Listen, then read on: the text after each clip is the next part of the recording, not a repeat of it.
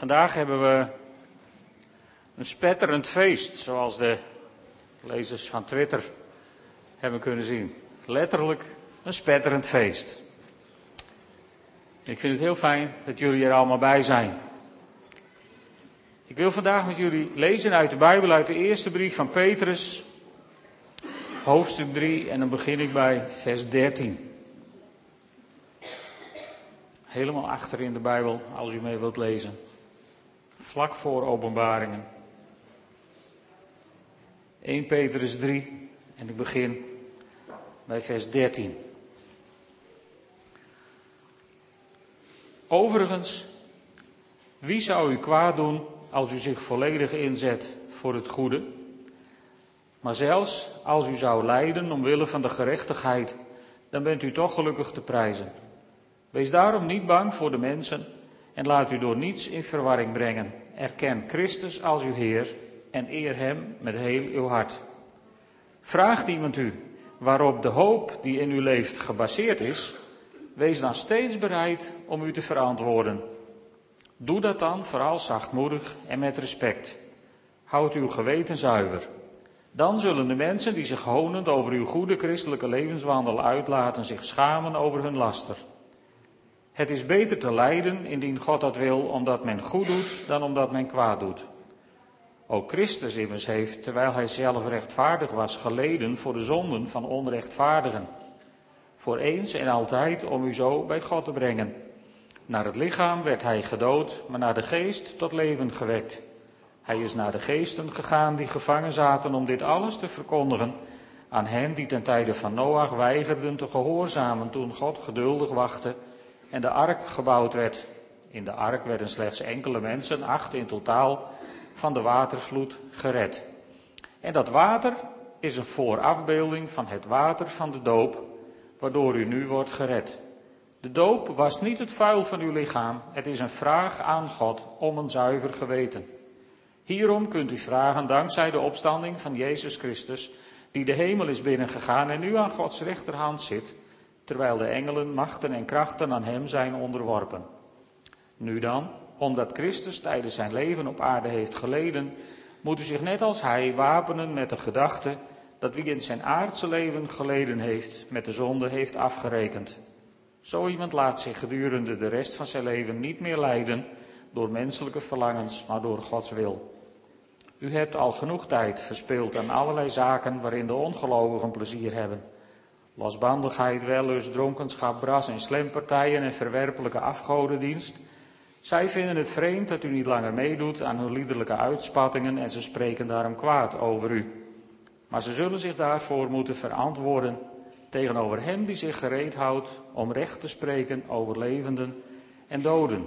Ook aan de doden is het evangelie verkondigd. Opdat ook zij, al zijn ze naar hun leven op aarde door de mensen veroordeeld, bij God in de geest kunnen leven. Het einde van alles is nabij. Kom daarom tot bezinning en wees helder van geest, zodat u kunt bidden. Heb elkaar voor alles innig lief, want de liefde bedekt tal van zonden. Wees gastvrij voor elkaar zonder te klagen. Laat ieder van u de gave die hij van God gekregen heeft gebruiken om de anderen daarmee te helpen, zoals het goede beheerders van Gods veelsoortige gaven beaamt. En de tekst waar ik vanmorgen kort met jullie wat over wil delen, is uit vers 21. Het water is een voorafbeelding van het water van de doop, waardoor u nu wordt gered. De doop was niet het vuil van uw lichaam. Het is een vraag aan God om een zuiver geweten. Sommige mensen die meelezen uit een andere vertaling, zoals de Statenvertaling of de NBG, die zullen misschien zeggen, hé, hey, bij mij staat het er anders. De doop is een vraag aan God om een zuiver geweten. Nou is het grappige, als je allemaal Bijbelvertalingen naast elkaar legt, dan is het zowat 50-50. De ene Bijbelvertaling die heeft het over de vraag aan God van een zuiver geweten. En de andere vertalingen die zeggen het is een vraag aan God om een zuiver geweten. En dat onderscheid, dat maakt niet uit of je nu oude vertalingen of nieuwe vertalingen leest. In de oude vertalingen zitten ze tussen de Statenvertaling en de King James vertaling bijvoorbeeld zit dat verschil. En in de nieuwe vertalingen vind je het ook weer. En wat staat er nou? Staat er nou om of staat er nou van? Nou, het leuke is, in het Grieks staat er geen van beide. Want daar gebruiken ze geen voorzetsels, daar gebruiken ze vervoegingen van het werkwoord. Zoals wij vroeger bij de Duitse taal ook moesten leren, dat je ook, ook zelfstandige naamwoorden zelfs kon vervoegen. En het is in het Grieks is het zo'n vervoeging, de tweede naamval, en daar passen een aantal voorzetsels bij. Kies maar uit welke je zou willen hebben. Maar als hier werkelijk bedoeld zou zijn dat de doop een, uh, een vraag aan God is van een zuiver geweten, dan zou dat betekenen dat je eerst een zuiver geweten moet hebben voordat je gedoopt kunt worden. Met andere woorden, dan moet je eerst goed genoeg zijn en dan gedoopt worden. Dat heeft ertoe geleid dat in de kerk er een enorm gat is ontstaan tussen de bekering, het moment waarop mensen kiezen om hun leven met Jezus Christus te willen leiden, en het moment waarop ze gedoopt worden. Dat heeft een heel groot gat gecreëerd. En, en soms heeft het zelfs gecreëerd dat mensen eerst als het ware een hele opleiding moesten volgen. En als ze dan uiteindelijk goed genoeg bevonden werden, dan mochten ze gedoopt worden. Als we de vertaling, de Bijbel lezen en zeggen het is een bede aan God om een goed geweten, dan zou je zeggen, dan kun je nooit vlug genoeg gedoopt worden. Sommige mensen hebben daaraan verbonden dat je dus, zodra je geboren bent, eigenlijk acuut gedoopt moet worden. Want hoe vroeger je dit bidt, hoe beter het is. Maar laten we eens kijken naar een paar doopverhalen uit de Bijbel, uit het Nieuwe Testament. In handelingen vinden we daar een stuk of wat van, uiteraard, maar toen begon het allemaal. En een heel mooi verhaal in handelingen is het verhaal van een meneer uit Ethiopië. Zeg maar de minister van Financiën van Ethiopië en die was op reis geweest naar Jeruzalem. Nou had die minister die had één probleem. Als dienaar van een koningin was hij gecastreerd, zodat hij niet aan de koningin kon komen. En dat betekende dat hij volgens het Oude Testament, dus de regels die golden in Jeruzalem in de tempel, dat betekende dat hij er niet in mocht. Ten eerste mocht hij er niet in, want hij was buitenlander. Maar goed, daar hadden ze de voorhof der heidenen voor. Maar daar mocht hij ook niet in, want hij was gecastreerd. Hij mocht dus helemaal nergens in. En toch had deze man in Jeruzalem kennelijk een aanraking met God gehad en dat had hem ertoe verleid. Ja, wij zouden zeggen om een Bijbel te kopen, maar die had hij toen nog niet. Maar hij had een stukje boekrol misschien wel gekocht, misschien wel een hele, van Jesaja. Met andere woorden, deze man had een vermogen uitgegeven om het woord van God te bemachtigen. Hè? Want zo'n boekrol, die moest met de hand worden geschreven in die tijd, die kostte nogal wat. Dus hij had er een kapitaal tegenaan gegooid en op de thuisweg zit hij in de koets in die boekrol te lezen. En dan leest hij een stukje over iemand die als een schaap naar de slaapbank wordt geleid en zijn mond niet open doet. En ineens wandelt er iemand naast hem en die zegt, snap je het wel?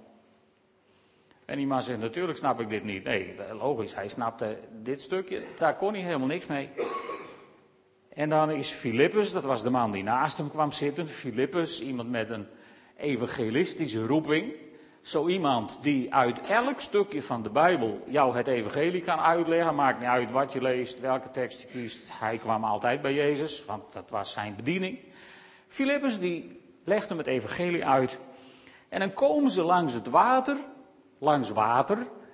En dan zegt die man in die koets, en dat lees ik jullie voor, Handelingen 8, vers 36. Onderweg kwamen ze bij een plaats waar water was. En de eunuch zei: Kijk, water.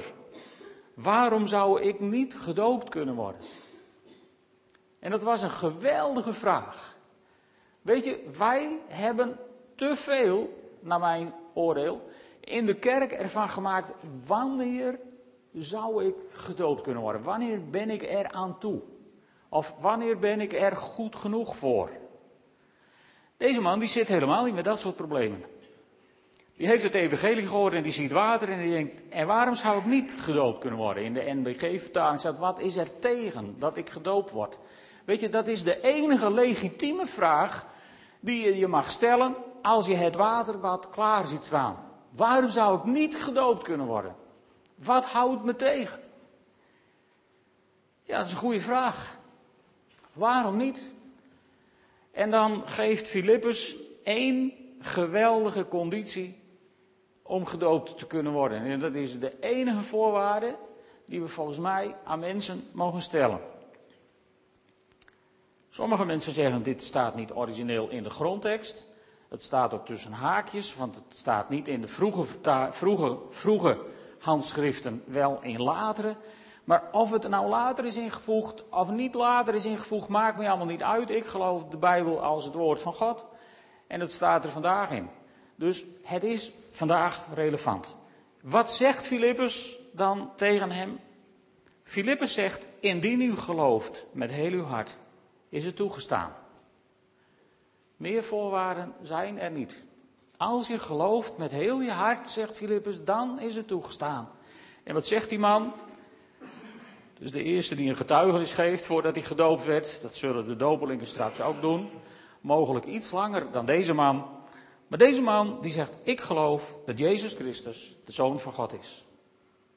Punt. Dat was niet zo lang, dat is ook niet zo ingewikkeld. En weet je, wij vinden in deze gemeente dat je dat bewust en persoonlijk moet kunnen zeggen.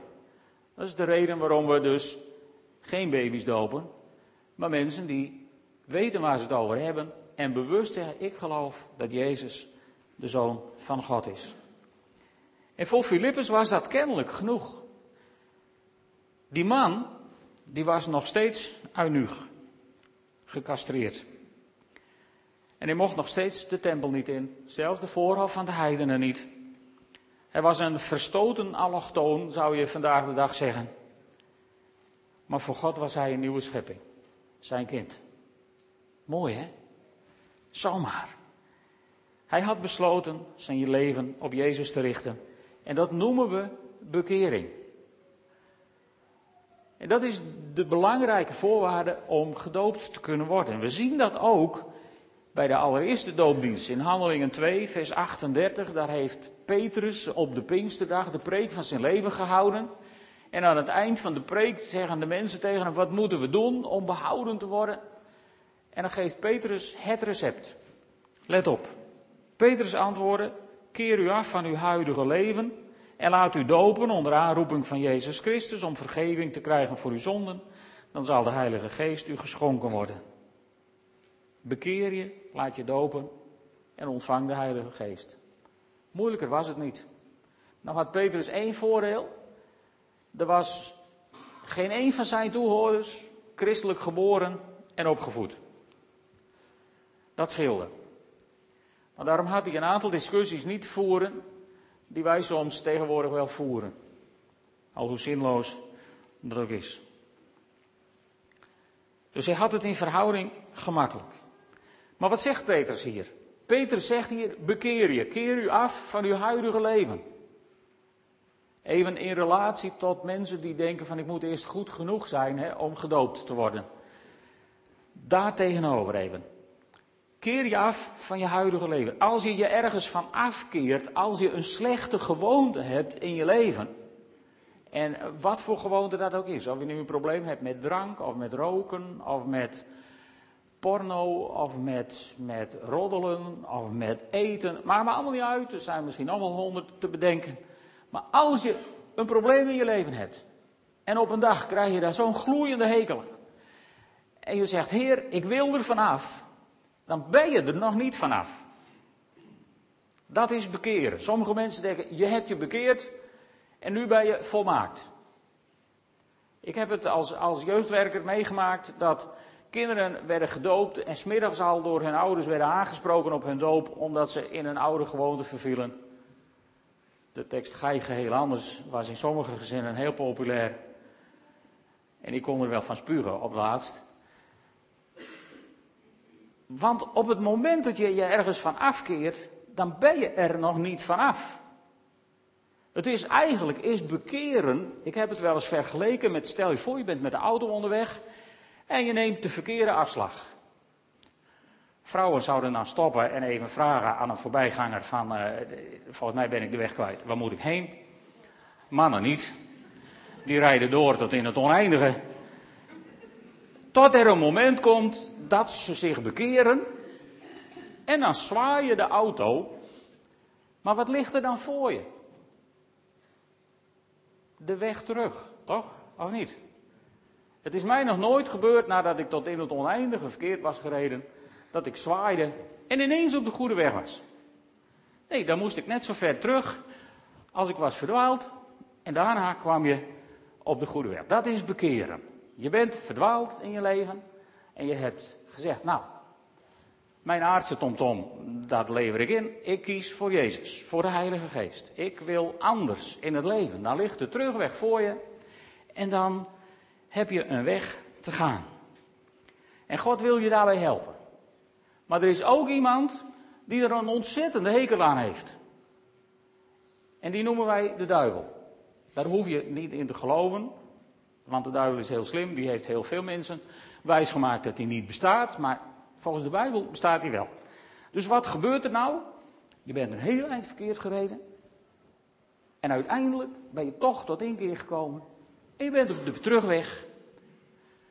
En jij denkt, halleluja, ik ben op de goede weg. Ik ben op weg terug naar. En er zit iemand op je schouder en die zit in je oor te tetteren. Maar je bent wel een heel eind verkeerd gereden. Dat kan nog wel een hele tijd duren voordat jij weer op de goede weg bent. En dan, dan zijn we nog niet vergeten hoe dwars je bent geweest. En hoe stom en hoe fout. Met andere woorden, je bent op de terugweg en je wordt alsmaar aangeklaagd. Op je oude leven. Op dingen die je hebt gedaan. Die niet in overeenstemming waren met de wil van God. Je wordt alsmaar aangevallen. En maar aangevallen. En aangeklaagd. En wie zou dat nou zijn? Dat is niet zo moeilijk.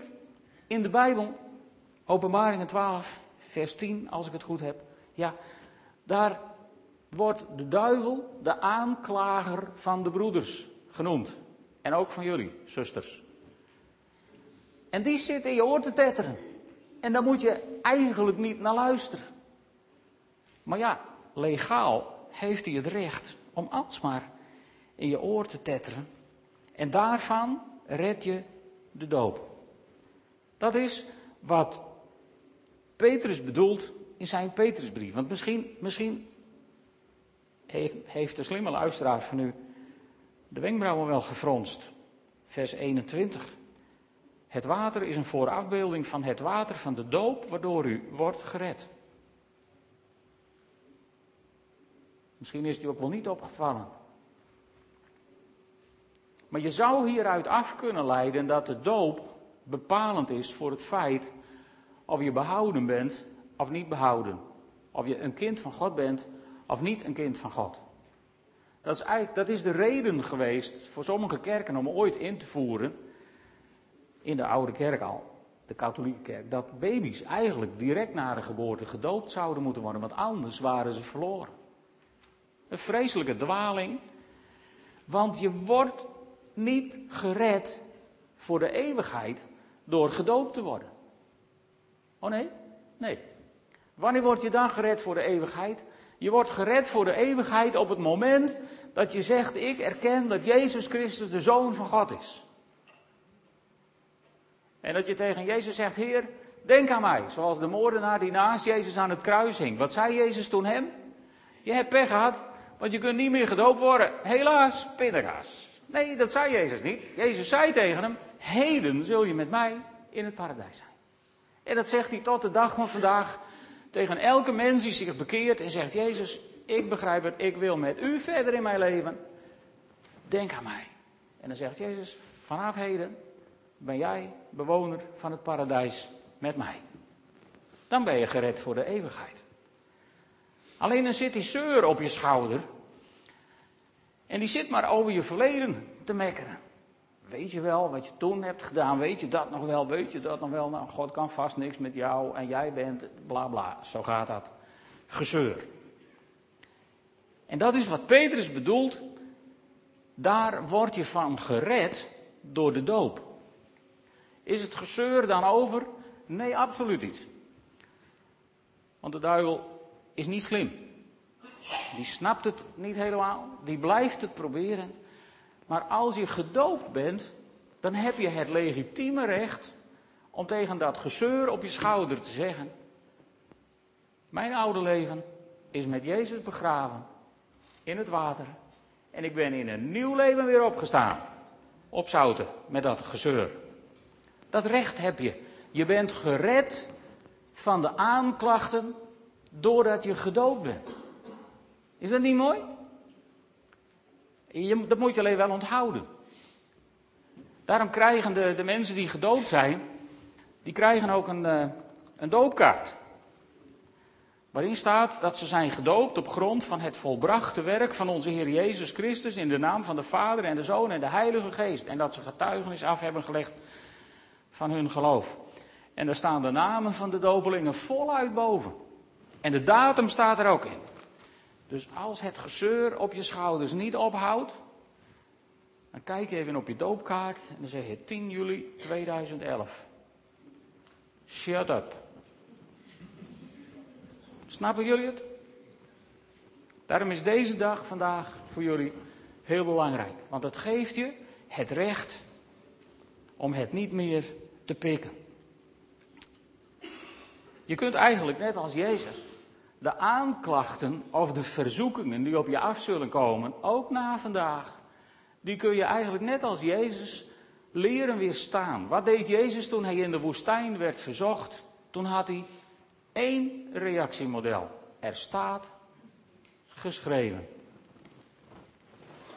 De Bijbel. En wat kun je zeggen? Je kunt bijvoorbeeld deze tekst aanhalen, Romeinen 6, vers 4. We zijn door de doop in zijn dood met hem begraven. Om zoals Christus door de macht van de Vader uit de dood is opgewekt, een nieuw leven te leiden. Of deze, uit Hebreeën 10, vers 22. Laten we dan tot God naderen met een oprecht hart en een vast geloof, nu ons hart gereinigd is en wij van een slecht geweten bevrijd zijn, zie je dat Paulus het helemaal met Petrus eens is, en ons lichaam met zuiver water is gewassen. Je bent van een slecht geweten bevrijd. Je bent gered, want je beden om een zuiver geweten is door God verhoord. En datzelfde vinden we terug in de opdracht van Jezus. Want we kennen de doop al eerder. Matthäus 28, vers 19. Als Jezus is opgestaan uit de dood en hij staat op het punt om naar de hemel te gaan, dan heeft hij nog één keer iets te zeggen tegen zijn discipelen. En dan zegt hij tegen zijn discipelen: Ga dus op weg. En dan krijgen ze drie opdrachten. Maak alle volken tot mijn leerlingen. Doop ze in de naam van de Vader en de Zoon en de Heilige Geest. En leer ze dat ze zich moeten houden aan alles wat ik jullie heb opgedragen. En dan zegt hij daar iets heel belangrijks achteraan. Hij zegt dat hoef je niet alleen te doen, want ik ben met jullie alle dagen tot aan de voltooiing van deze wereld. Dat was de opdracht van Jezus. En eigenlijk zet Jezus daar het hele proces nog een keer, of voor het eerst, op een prachtige manier neer. Stap 1. Je wordt leerling. Wij hebben ervan gemaakt van je moet eigenlijk eerst gepromoveerd zijn en alles weten en dan gaan we je misschien wel dopen. Maar dat is niet wat Jezus zegt. Jezus zegt maak ze tot mijn leerlingen. Hij wacht op jouw beslissing. Dit kun je vergelijken met het moment waarop Jezus bij zijn discipelen langskwam. En, en tegen zijn discipelen zei: Volg mij. En ze lieten alles uit hun handen vallen. En ze volgden Jezus. Dat heet bekering. In één keer een ander doel kiezen in je leven. Dit is je keuze om Jezus te volgen en daardoor word je behouden en gered voor de eeuwigheid. De tweede stap is, je laat je dopen. En Petrus die verbindt dat, zowel in Handelingen 2 als in zijn, zijn brieven die we hebben gelezen. Petrus verbindt dat onlosmakelijk met de bekering. Dus elke dag die er zit tussen je bekering en je doop is bijbels gezien een dag te veel. Dus Petrus verbindt het onlosmakelijk met de bekering. En waarom? Omdat Petrus weet dat in de doop die, die bede om een zuiver geweten wordt verhoord.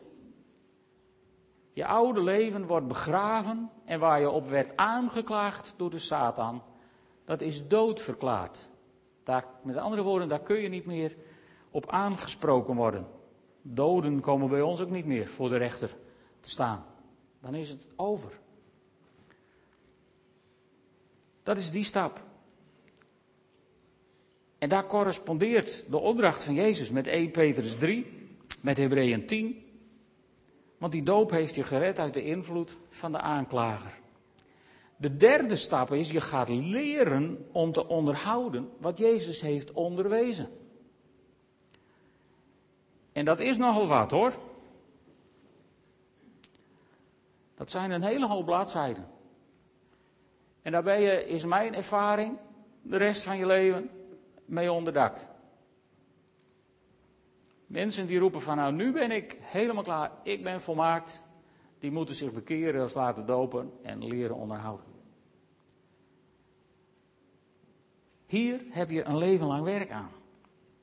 Je leren om te onderhouden. En eigenlijk zeg ik dat niet goed. Hier heb je een leven lang werk aan. Dat klinkt alsof jij het moet doen. Alsof jij het zou kunnen. En dat is niet zo. Weet je, die eerste twee fases, je bekeren en je laten dopen, dat is eigenlijk bijbels gezien één beslissing. Jouw keus om Jezus te volgen. Maar wat er dan volgt, leren onderhouden wat Jezus geboden heeft, dat is een proces. Een levenslang proces. En, en we noemen dat het proces van levensheiliging. God gaat met je aan de slag. En het enige wat je eigenlijk, of het enige wat je daaraan bijdraagt, is van je geeft God de ruimte om met je aan de slag te gaan. Je luistert naar Hem, dingen die Hij je duidelijk maakt, die in je leven moeten veranderen.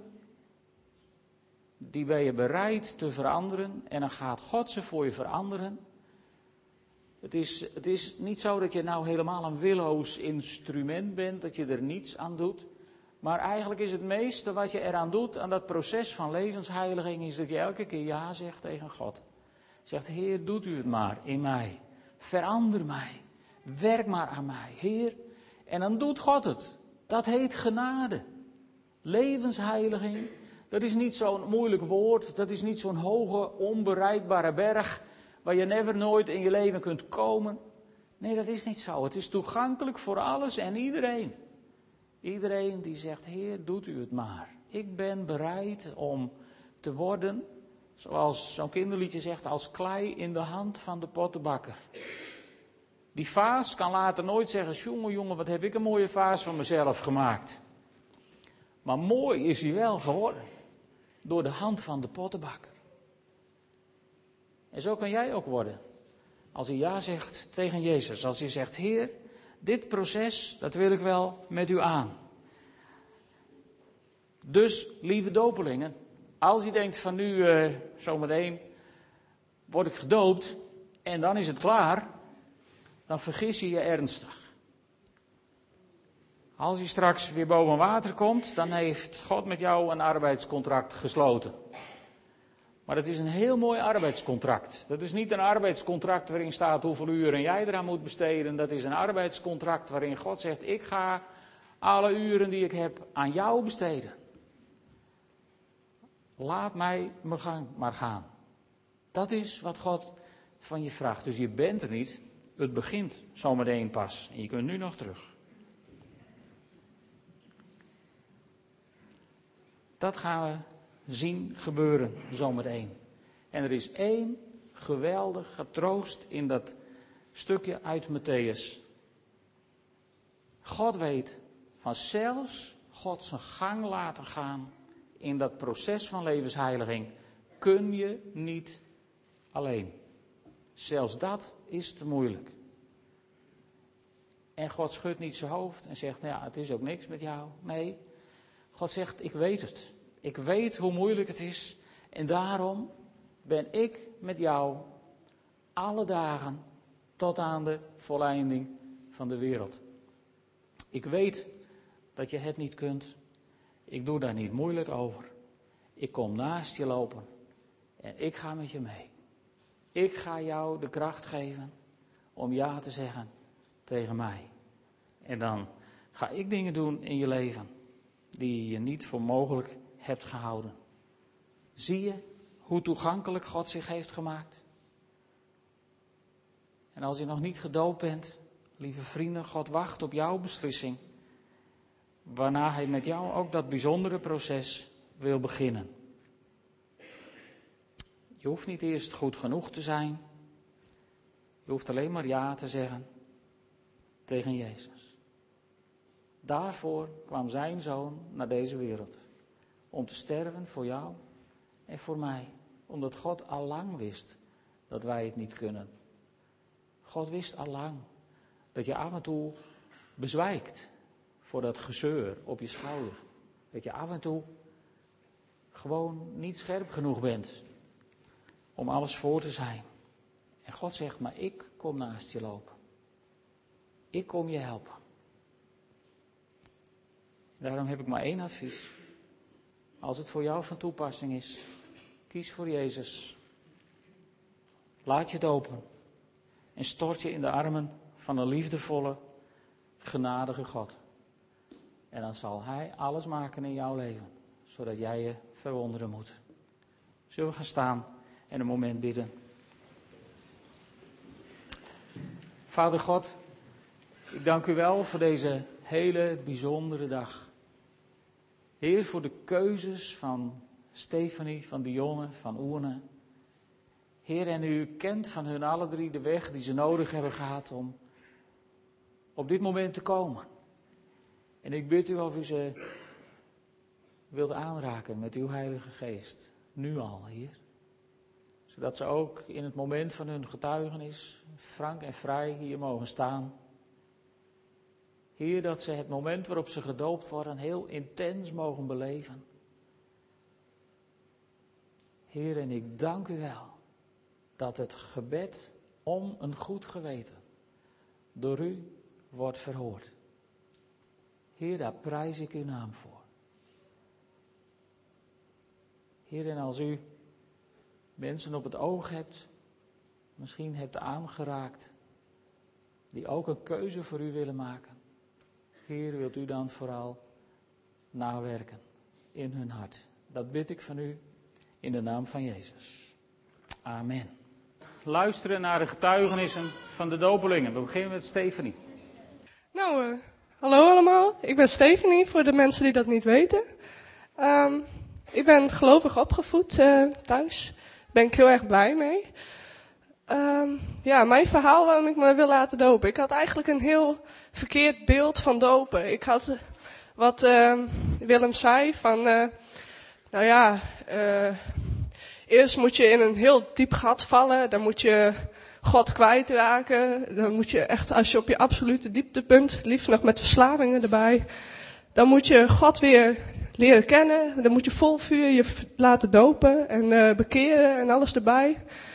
Maar ja, ik ben gelovig opgevoed en ik had zoiets van, eigenlijk wil ik helemaal niet die tijd doorgaan. Ik vind, uh, nee.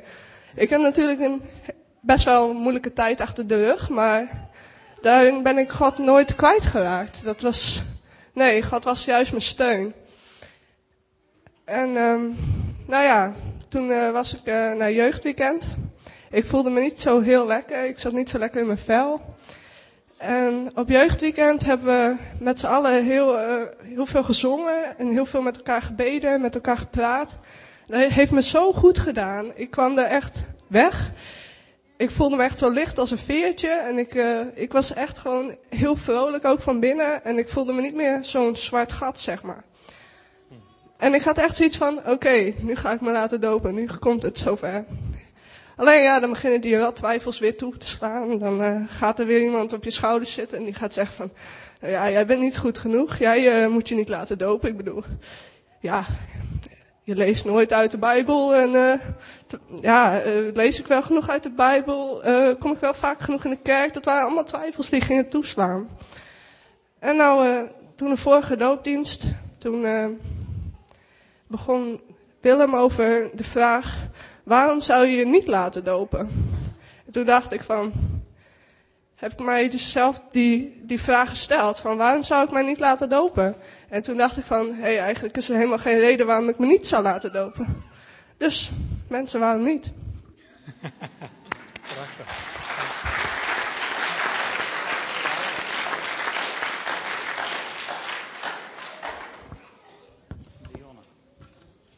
Hoi, ik ben Dionne Jozef, woon op twee jaar bij Henk Snet in Harkema. De reden dat ik me laat dopen was voor mij een van de moeilijkste keuzes die ik zelf heb moeten maken. Toen ik nog in Amsterdam bij mijn moeder woonde, heb ik van alles meegemaakt.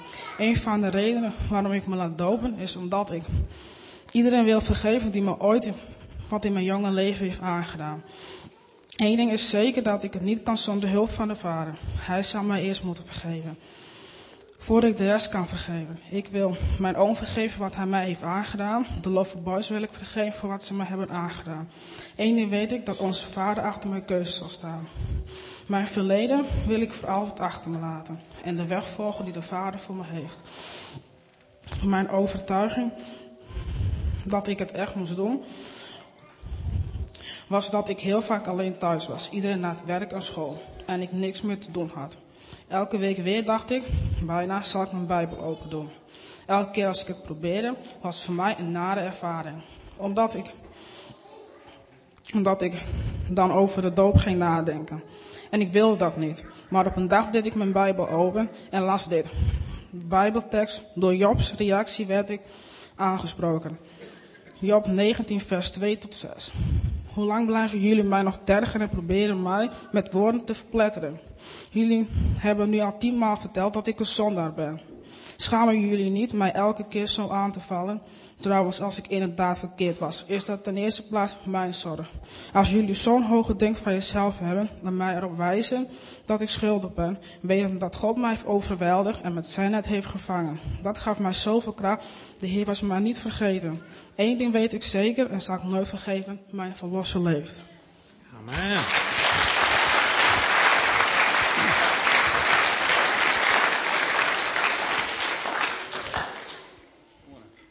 Ja, ik ben Hoorne. Uh, ik wil beginnen, ik hou toch even een briefje erbij, anders ben ik bang dat ik door de spanning wat ga vergeten. Ik wil beginnen om kort wat over mijn kerkelijke achtergrond te vertellen. Ik ben gereformeerd opgevoed, kom uit de gereformeerde kerk. Ik ben ook gedoopt als baby. We gingen elke zondag twee keer naar de kerk ik heb het nooit erg gevonden. Ik vond het mooi. Vooral de liederen spraken mij uh, erg aan. Preken soms iets minder, dat was dan wel jammer, maar... Ik heb beleidenis gedaan en zie mijn dopen nu als een logisch vervolg op mijn dopen en beleidenis. Het is een bewuste, volwassen keuze voor mij om gehoorzaam te zijn aan God en om Jezus te volgen. Ik ben uh, eerder getrouwd geweest. Heb twee kinderen uit het huwelijk, Janoen en Wilma. Gelukkig zijn ze er allebei. Ik uh, heb ze allebei ook uit volle overtuiging laten dopen. Later begon ik in de gereformeerde kerk toch iets te missen. Iets van blijdschap, enthousiasme, spontaniteit. En ik werd een iets minder trouwe kerkganger. Het was ook een moeilijke periode voor mij met uh, scheiding en dergelijke. Uh, toen ik een relatie met Rimi kreeg, wilden we, vooral toen we kinderen kregen, graag samen ergens naar de kerk. Dat was eerst nog best lastig. Maar toen we hier kwamen, vonden we steeds meer ons eigen plekje. En ik voelde me hier steeds meer thuis. Ging me ook steeds meer met het geloof bezighouden. Dat raakte me steeds meer. En het verlangen groeide om het te laten dopen. Riem had zich al laten dopen. En ik zag natuurlijk ook hoe belangrijk dit voor haar was en wat het met haar deed. Toch hield iets me nog tegen. Maar ik wist wel, het komt wel. Eén uh, gebeurtenis heeft het proces eigenlijk een beetje versneld. Namelijk de geboorte van onze jongste dochter, Mardau. Vandaag is ze is ook jarig. Wordt ze opgedragen. Of eigenlijk was het een gebeurtenis van negen maanden daarvoor al. Dus zie ik sommigen denken, wat gaat hij nou allemaal vertellen? Maar komt wel goed. We hadden al besloten dat we, dat we geen kinderen meer wilden. Ik had er al vier, we hadden samen twee en ik, ja, ik werd ook niet jonger op. Toch bleef bij Riemen stiekem wel het verlangen naar nog een kindje. Ze voelde zich nog niet compleet. En op een vrijdagavond ging ze naar, uh, naar een conferentie in het FCD. Ze liet voor ze bidden en kreeg plotseling het woord, je zult een gezond kindje krijgen. Nou, ze kwam stralend thuis en vertelde heel enthousiast over wat er gebeurd was. Op dat moment straalde ik even iets minder. En ik schrok behoorlijk. Um, we hebben het toen besproken en besloten dat ze die zaterdag maar weer moest gaan. En dat uh, waarschijnlijk wel een misverstand zou zijn of zo. Ze moest me even, even gaan vragen. Maar dat was dus niet zo. Het was een bewust woord van God aan Rimi. Rimi bij. En ik dacht stiekem ook al een beetje. Later op de bank hadden we het er nog weer over. En toen kreeg Rimi een beeld dat een witte gedaante haar een baby overhandigde. De volgende dag waren we hier weer en toen preekte Willem. Uh, God heeft altijd het beste met je voor, ook al zie je dat zelf soms helemaal niet. Toen dacht ik, als God dit zo wil, wie ben ik dan om het niet te willen? En ik was er helemaal bij mij. Um, we hebben meteen een test gekocht, maar er was nog niks te zien. En toch wisten we dat het waar was, dat Rimi zwanger was. En na een week, ja hoor, het klopt echt. Het was heel bijzonder dat wij het al wisten, terwijl het helemaal niet officieel aantoonbaar was. Het maakte heel veel indruk op mij dat God zo rechtstreeks met ons bezig was en mijn leven zo duidelijke wending gaf. En toen wist ik ook dat God wil dat ik me, dat ik me laat dopen. En ik wil het ook. Het lijkt me geweldig dat mijn zonden uit het verleden afgewassen worden en dat ik weer met een schone lei kan beginnen. Dat mijn oude leven kan afleggen en een nieuw leven kan beginnen. Toch heeft het nog een tijdje geduurd. Maar bij de vorige doopdienst stelde Willem de vragen. Noem eens één goede reden om je niet te laten dopen. En daarna zei hij, wat let je? Precies. Toen dacht ik, ik ga het doen. En vooral toen ik deze datum hoorde, was het helemaal klaar. Ten slotte, ik heb al verteld dat ik vroeger uh, de liederen in de kerk heel mooi vond. Ik ben muzikus, dirigent en trombonist. En het lied Eens als de bezuinen klinken uit de hoogte links en rechts sprak mij vroeger al heel erg aan. Dat leek me prachtig, al die, al die trombones. En ik denk nu, ja, wanneer dat gebeurt, dan wil ik er natuurlijk wel bij zijn.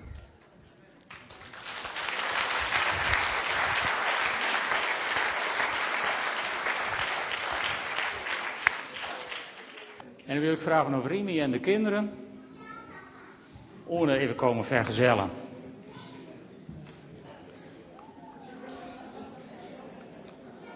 Wij kennen namelijk als gemeente niet de gewoonte dat als je gedoopt wordt, dat je hier automatisch lid wordt van de gemeente. Dat zijn twee aparte gebeurtenissen. En die doen we vandaag in één keer. En we gaan Maro opdragen. Maro is vandaag jarig. Mooi hè?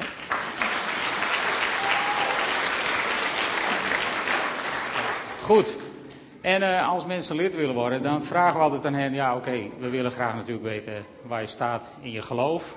En waarom deze gemeente? Waarom komen jullie bij ons? Nou, van Oeren hebben we al wat gehoord, maar die mag nog wat zeggen. Rimi weer. Heeft, uh, die heeft het woord. Ja, oké. Okay. Goed, prima. Ga ik me niet mee bemoeien. Nou, ik, ik heb het zo net al iets verteld over. Uh, over ook uh, toen, uh, toen ik hier kwam, ook natuurlijk over mijn geloofsleven, maar toen, toen we hier kwamen ging het voor mij allemaal wel weer sterker leven. Het raakte mij meer, ja dat gebeurde toch echt hier. En wij voelden ons hier ook steeds meer, meer thuis. Dat ligt ook een beetje aan, aan alle mensen hier, uh, denk ik, aan, aan, de gemeente zelf. Soms kom je ook ergens en dan springen er meteen tien mensen bovenop je en willen van alles van je weten. Maar hier ging het mooi rustig, heel geleidelijk, heel natuurlijk. Dus dat voelde bij mij uh, wel heel goed. Dus ik voelde me heel gauw uh, vertrouwd hier. Kom erbij dat we voorgaan vinden we hier ook wel oké. In het Fries zeggen we dan. Het koel minder, zeggen we dan in het Fries. Het mag ook wel gezegd worden. Uh, nou, wat, wat, we verder nog wel heel uh, belangrijk vinden hier in deze gemeente is ook dat we als gezin hier uh, aan het begin van de dienst met z'n allen even bij elkaar kunnen zijn. Dat is ook niet overal zo en dat vinden wij heel prettig. Dus al met al dan hebben we voor deze gemeente gekozen. Nou, geweldig. Hartelijk welkom. Het is een goede gewoonte dat we dan voor een gezin gaan bidden, maar dat doen we zo meteen. We gaan eerst Mardo opdragen. Die komt even bij mij. Ik hoop dat ze dat leuk vindt. Ja, gaat nog wel. Goed, zullen we samen voor Mardo gaan bidden? Mag ik jullie vragen om op te staan? Als u wilt mag je je hand gewoon zegenend opheffen. Dan gaan we Mardo zegenen op je verjaardag. Ja. Heer, we danken u voor het leven van Mardo. Heer, u hebt het in het getuigenis van Oene gehoord, Heer. Hoe bijzonder ze door u gewild is. Heer, en, en waar Oede en Rimi aan u, aan, u, aan u willen opdragen, willen wij als gemeente ook een stukje verantwoordelijkheid voor haar nemen. Heer, dat we hen mogen helpen om Mardo op te voeden in het geloof, zodat ze ook u mag leren kennen als haar persoonlijke Heer en Verlosser. En Mardo Christ, zo zegen ik jou in de naam van de Vader, in de naam van de Zoon en in de naam van de Heilige Geest. Amen.